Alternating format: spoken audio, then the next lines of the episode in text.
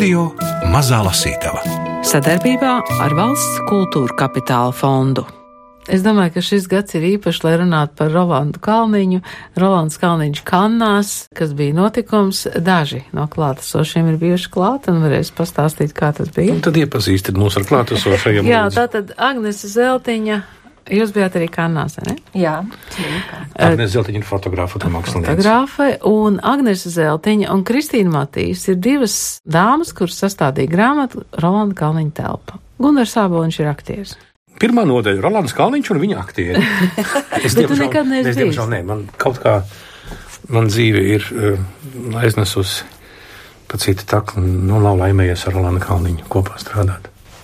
Cik ilgi tapa grāmata? Kā jūs tur sākāt, kā pabeidzāt? Tas nav tāds, manuprāt, nav nospraužams celiņš tikai tāpēc, ka, protams, bija viens konkrēts brīdis 2017. gada pavasarī, kad mēs, tas bija Rolanda Kalniņa 95. jubilejas gads. Un mēs gada sākumā nu pat bijām aizvadījuši Jāņa Streiča jubilejas gadu, un mēs sanācām kopā Nacionālajā kinocentrā. Mums tur ir tāds domu biedru kodols ar Ditu Rietumu un Zani Balčus. Es un Agnese un sanācām kopā un domājam, nu ir kaut kas jādara tagad arī Rolandam Kalniņam uz tādu jubileju. Un bija iznākusi uh, Daira Zāboliņas grāmata par Jānu Streiču, ko mēs ar Agnesi arī kopā strādājām pie tās. Un tā taciņa likās iestaigāta, bet, protams, ka nu, nevar jau atkārtot uh, izdarītus darbus. Šeit bija mazliet cita situācija. Mēs sapratām, ka vajag grāmatu par Rolandu Kalniņu.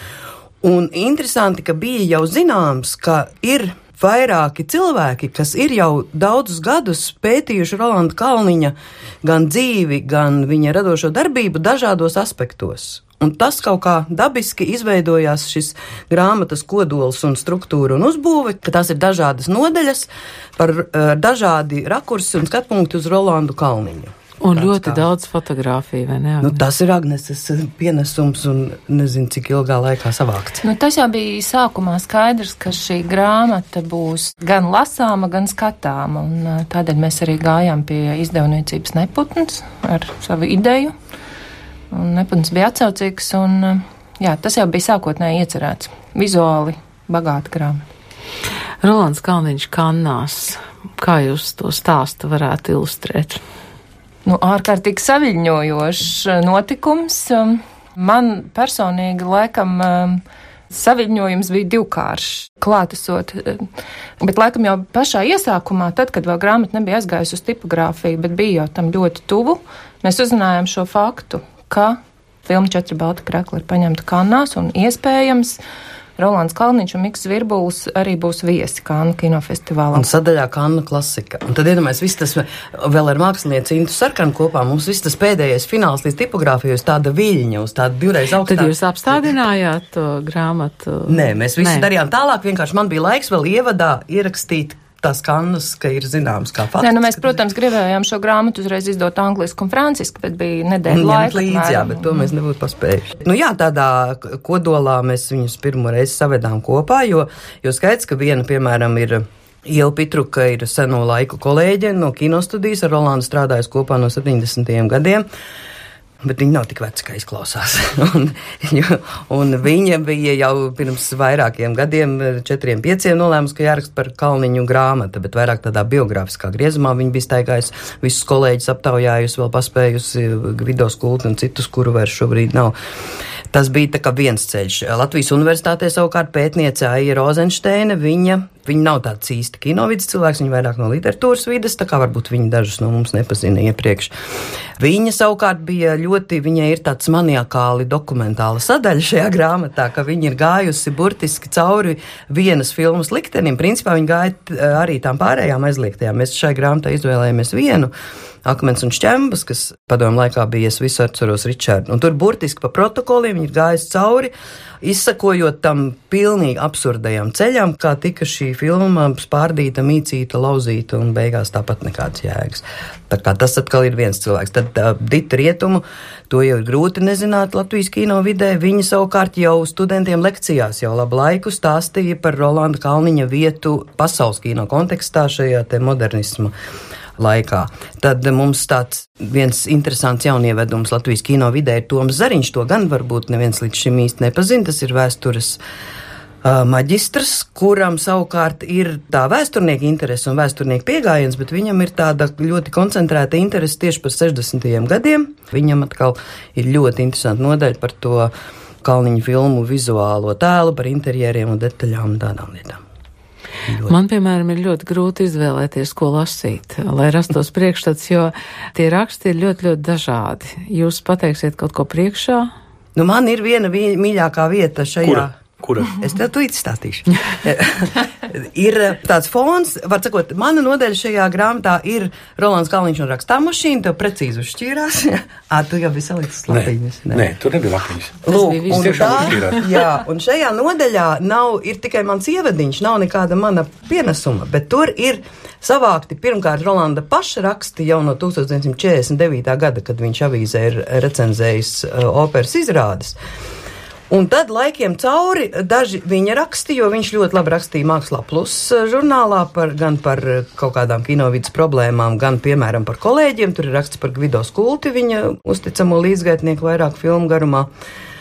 Un tad, eh, nonākot līdz 80. gadiem, kad šīs aizliegtās filmas parādījās publiskajā telpā, tad par viņām sāka rakstīt vairāk arī presē.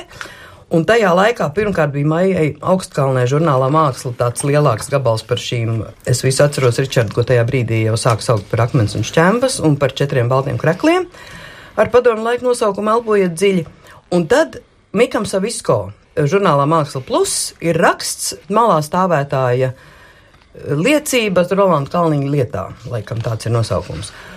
Un, atsakot šos rakstus, es savācu pēc virsrakstiem no periodika LV, tad es viņus bibliotekā pasūtīju kā PDF un vienu nakti mājās lasīju. Un tad, kad es trijos naktī izlasīju šo Mikas Visko rakstu, kas ir tik ārkārtīgi precīzi diagnosticējis to, kas tajā brīdī notika tajos 60. gados, kāpēc, kā viņš saka, kolektīvi veikts mākslas nodevības akts, ko izdara cilvēki, kas sauc par māksliniekiem, bet viņiem ir pašdarbnieku dvēseles.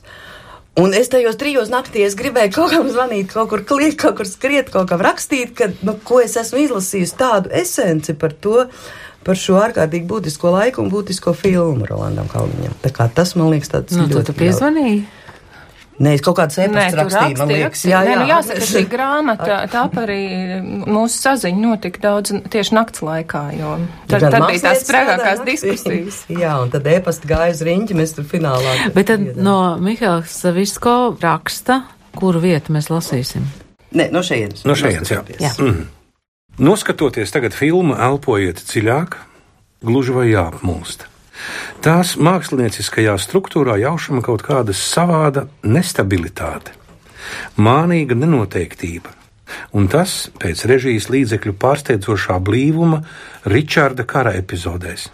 Fabulas risinājumā ik pa brīdim ielaužas dziesmiņas, mazliet gan palīdzēdamas, gan arī traucēdamas līdzpārdzīvojumu izraisīšanai ar reflektējošo varoni, un vispār par ko ir runa Kaut kāda dāma nokritizē kaut kāda pašdarbnieka sacerējumus, par to spriedīs kaut kādā sēdē. Varonis kļūst drūms un iecirtīgs, citi pašdarbnieki tomēr tā kā gribētu spēlēt un dziedāt, viņu administratori vēl neviena nepiespiesti sagatavo labojumu priekšlikumus. Sīka jēzga. Tur jau ir tā lieta, kas sīka līdz bezjēdzībai un režisors vairās tai piešķirt jau kādu svaru, ko nestu iedziļināšanās personāžu attieksme motivācijā.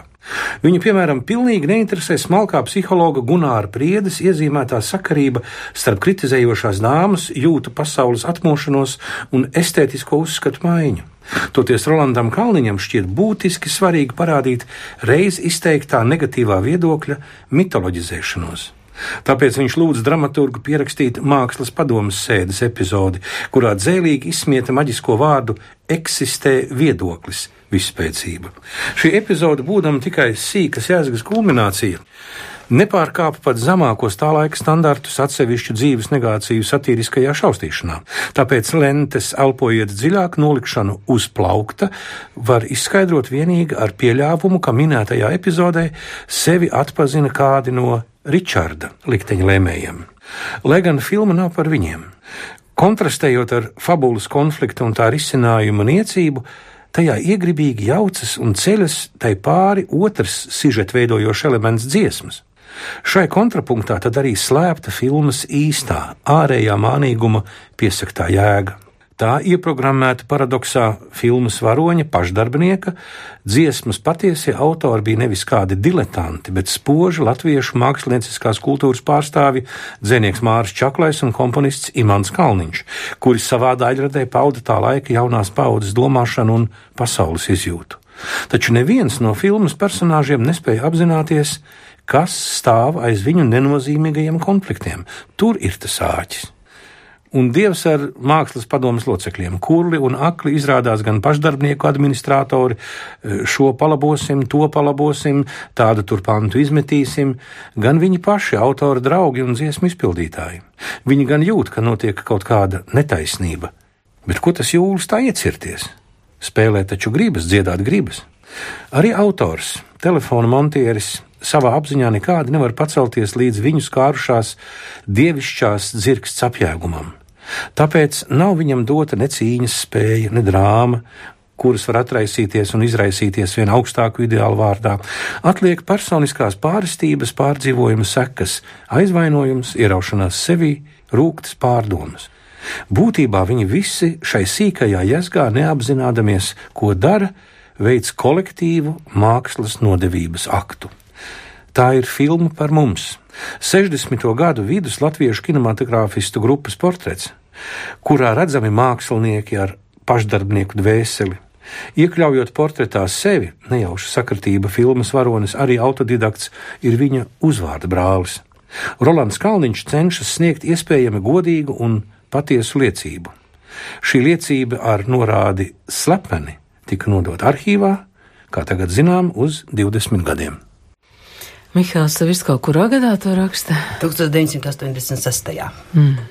Agnes, eh, tagad uh, izvēle tev. Tavu mīļāko. Agnēs jau būs mīļākās bildes, bet tās mēs nevarēsim tā nolasīt. Tev būs jāizstāsta, kas šajās bildēs. Jā, jā es varbūt sākšu ar to, un tad mēs varētu mm -hmm. jā, savukārt saslēgt kannu kontekstu un ditas rītums nodaļas sadaļu. Tā es izvēlos. Un savukārt Man liekas, šī grāmata ir īpaša, ka, ka viņi var lasīt ļoti dažādi, ne tikai pēc kārtas. Un, mm -hmm. un eh, to, ko parasti neiesaka lasīt beigas, šajā grāmatā var. Jo beigās ir Rolanda Kalniņa dienas grāmata sadaļa, kas arī ir ārkārtīgi interesanti tieši to, kā viņš vērtē aktuāls kultūras eh, notikumus, politiskos procesus nedaudz ieskicē ļoti interesantā veidā. Un, um, Turklāt interesants veids ir, ka tās dienas grāmatas nav tā radušās, ka viņš dabiski rakstīja dienas grāmatas. Pēc tam es esmu dzirdējis viedokli, kā Rolands Kalniņš raksta dienas grāmatas, pilnīgi neticami. Patiesībā tas arī ir neticami, vienkārši jau Pitruka, gatavojot šo savu grāmatu, iecerēto pirms gadiem. Viņa bija Rolandu tā kā piespiedusi. Nu, viņš bija apņēmies, ka ar ievas grāmatas vajadzībām viņš tagad rakstīs dienas grāmatu. Katru dienu, godīgi, kārtīgi, ja viņš reiz kaut ko uzņemās un apsolās. Viņš to arī darīja. Dara. Jā, un tad viņš uz savu smalko pildspalviņu katru dienu bija vienkārši piefiksējis, ko tad viņš dara. Es uzšķīru 138. lapu, un par šo nodaļu man ir eh, pašai milzīgs gandarījums un prieks, eh, jo šī nodaļa saucās eh, Rolanda Kalniņa nenotikušās filmas. Un tajā autora Ilga Pitruka ir ieskicējusi tās piecas filmas, kas vēl varētu būt uzņemtas. Uh, Savukārt filma Jahta vārdā Žanna ir tā, kur mēs dzirdējam, ka Rolandam Kalniņam visvairāk žēl, kura ir nenotikusi, jo viņa ir trīs reizes mēģināt. Tā vispār tāda leģenda uzsākt. bija Latvijas kino vidē, ka ir bijis tāds scenārijs Jahta vārdā Žanna, ka tas ir bijis kaut kas ārkārtīgi labs, bet tas nav laists cauri, nezinu, cik reizes. Roland. Jahta tika noērēta. Jā. Un, un Rolands Kalniņš vienā no mūsu tikšanās reizēm iedeva mazu aplūksnīti, kurā bija provis no šīs filmas sagatavošanas. Un tās tās ir pilnīgi unikāls un brīnišķīgs, jo, manuprāt, te ir ļoti labi tāds sasaucis ar pasaules kino kontekstiem. Te ir, nu, tā kā tāds Antonioni, Antonioni filmu mēs varam tikpat labi redzēt, jā. jā. Jā, un e, šīs e, bildes nekur iepriekš nav redzētas, un fotogrāfs ir Aivars Šakste. Un uh, otrs atradums uh, pilnīgi pārsteidzošs, neskatoties, ka ir taisītas vairākas izstādes par Rolandu Kalniņu dažādās desmitgadēs, bet uh, līdz šim valsts Nacionālajā arhīvā vai tā sadaļā valsts kino fotofono dokumentu arhīvā atradās kastes ar negatīviem, kuros bija tika ieskanēts un atklājās bildes no filmas Pie jūras klimats, un tieši tās daļas, kas nav saglabājusies. Un te ir brīnišķīgi atklājās, cik radoši strādājuši mākslinieki. ar to, ka um, gāzes kantora cehs ir taisīts no papjēma šeit trubām un uh, krāsainām, un šī vide un baulīte, un, uh, un tie inscenējumi un pārkrāsotie koki ārā. Pie veselības ministrijas kokus nokrāsoja baltus. Un paši ministrija pārkrāsoja sēt ministrijai un yeah. kokus un, un tā, un tas arī sasaucās ļoti ar, ar filmu kontekstiem. Vienkārši nevaru atrast. Bet varbūt vajadzēja mazliet no Ievas Pitrukas palasīt par to jahtu vārdā Žāna, ja? jā. Rolanda Kalniņa nenotikušās filmas. Rolanda Kalniņa radošajai biogrāfijai varēja piepulcēties vēl citi spilgti ekrāna darbi. Diemžēl vienmēr Rīgā vai Maskavā atradās cenzori, kuri vai nu nenovērtēja radošu māksliniecisko ieceri, vai arī ar septīto prātu sajūta iespējamās brīvdomības izpausmes jau aizdomīgo kārtā ieceltā režisora nākotnes nodomā. Darbs kino studijā ir nepārtraukta iekšēja cīņa ar kompromisa risinājumiem, bet katrai vilinošai iespējai Rolands Kalniņš liek pretī cilvēka, un mākslinieka godīgumu. Režisors atteicies no darba ik reizi, kad viņa izvirzītā filmas mākslinieckā risinājuma koncepcija nav tikusi pieņemta. Tas darīts ne jau puiciskas spītības vai iecirtības dēļ, vienkārši Rolandam Kalniņam ir sveša nenosvērtība vai atteikšanās no saviem uzskatiem. Tā raksturo operators Mikls Zvirbuls.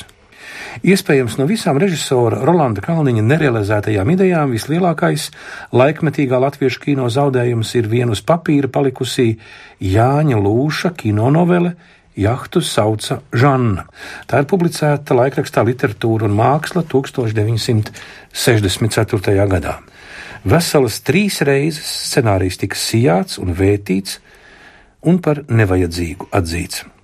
Pirmsākumos ar scenāriju, tobrīd tā nosaukums bija Uz kraujas, aizrāvās Ivars Kraulītis. Ģeniālās īsfilmas Baltie zvani, 1961. gads, režisors, kura talants diemžēl nerada tālāku izpausmu latviešu kinematogrāfijā. Un 1965. gadā norisa spraigs darbs pie scenārija pilnveidošanas. Rezultātā scenārijs nekuva atsaucību Maskavā. Iespējams, Šis tā laika nervu precīzi un godīgi tverošais jaunības stāsts tika noraidīts konteksta dēļ. PSRS kinematogrāfijā Hruščova atkušņa laikā pēkšņi parādījās darbi, kas bija izslīdējuši caur stingrās kontrolas sietu un saviļņoja skatītājus. Un Žannā Censora vērīgā acis, kas bija uz brīdi zaudējusi modrību, bet nu jau atkal saņēmusies, piegriezts krūvis, intuitīvi sajūta kādas līdzīgas notis. Rolands Kalniņš atceras. Režisora Marlēna Hucieva filmas Man 20 gadu un Jūlija lietus augstākajos partijas un varas kabinetos izsauca neizpratni, pat nepatiku. Šajās filmās sociāli, ētiskās un morālās problēmas nebija risinātas, lai izpatiktu ortodoksālajiem padomju pārstāvjiem, bet vairumam skatītāju filmas patika. Tās sabiedrībā izraisīja dzīves diskusijas. Pēc epopejas ar filmu Akmens un šķembas Rolands atcerējās Lūša kino noveli, kas saistīja ar dzīves patiesīgumu, jauniešu attiecību un vēlmju ietilpību, darbības vides precizitāti un katras ainas noskaņas jūtīgumu. Režisors uzsver, ka scenārijā nedarbojās ierastie komjaunietiski nogludinātie personāži, ierasto situāciju un attiecību kārtējā variācija. Svaigs, kaut arī mazliet skumjš stāstījums. Smeldzīgums un eksistenciālas skumjas tiešām caurstrāvo šo izjusto darbu. Divi draugi, tiltu būvētāji Ints un Gunārs, sastop neparastu meiteni vārdā Žanna. Viņas ilgas pēc brīvības un patiesības simbolizē jahta, kuru Žannas vārdā nosaucis nu jau viņa saulē aizgājušais tēvs. Reālajā dzīvē emocionāli trauslā meitene ir neizlēmīga. Viņa meklē kādu stipru plecu, uz kuru atbalstīties, bet savās izvēlēs vienīgi kļūdās. Līdzgaitnieki nesaprot viņas ilgas, cerības un nespēja dzīvot racionāli, materiālismā pamatotu ikdienu. Vienīgo puisi, kurš varētu izprast šīs vārdos nepateiktās jūtas, viņai ir bail sev piesaistīt. Jahta vispirms tiek pārdota, lai uzbūvētu māju, bet otro reizi Žannas draugs Gunārs brīvības simbolu iemīja pret visu padomi pilsoņu tā laika sapni - automašīnu Volga. Žanna iet bojā izdarot pašnāvību. Filmas scenārijs ir ļoti ietilpīgs. Šeit ir brīvības alkas, irracionāla smeldze, nosodījums mietpilsonībai, parādīta indivīda nespēja iekļauties visiem obligātajā laimīgajā padomi pilsoņa dzīvē. Sabiedrību raksturojošs ideālu trūkums un psiholoģiski jaudīga saspēle starp sievietes un vīriešu spēku un vājumu. Pret Žannas bojāeju finālā ar dažādu motivāciju nostājas vairākums mākslas padomas locekļu. Žannas tēls vispār ir īpaši mulsinošs. Padomju jaunietis, ja vien tas nav izteikti negatīvs tēls, mākslas darbā tolaik nedrīkst būt nelaimīgs. Arī mēģinājumi mīkstināt scenāriju nedod rezultātus. Vēl divas reizes - 68. gada 27. maijā un 17. jūnijā. Tas tiek atdots atpakaļ, pārstrādēji un vēlāk Maskavā noraidīts. Tā grāmatas uzbūve arī ir apzināti tādā veidā kārtota, ka mm -hmm. vispirms mēs uzliekam to visaugstāko latiņu, Rolands Kalniņš pasaules kontekstā ar ditas nodaļu, un tad, izējot cauri dažādos veidos tai viņa radošai dzīvei, mēs nonākam pie tāda biogrāfiskās nodaļas, kas ir uh, Ievas Pitrukas rakstīta ar nosaukumu Rolands Kalniņš Es esmu vieglprātīgs, kas, protams, ir zināms paradoks uh, ieintriģēšanai, bet viņš patiešām godīgi tā arī uzskata, ka viņš esot vieglprātīgs. Un tur ir tā kārtīgi un pamatīgi izstāstīta viņa dzīve, Un Bet viņš brīdī, rakstīja dienas grāmatas. Jā, un beigās vienā brīdī nonāk līdz, chronoloģiski, ka tas dzīves stāsts nonāk līdz jau 2000. gadu sākumam, tad. Tad? Nu, te ir skaidrs. Uz jautājumu, kāda ir viņa iezīmīgākā rakstura īpašība, režisors Rolands Kalniņš atbild: Esmu vieglprātīgs. Rolanda Kalniņa telpa - deviņas šķautnes viena izcila kino režisora radošajā darbībā. Sastādītājs Kristīna Matīsa un Agnese Zeltiņa izdevis Neputns.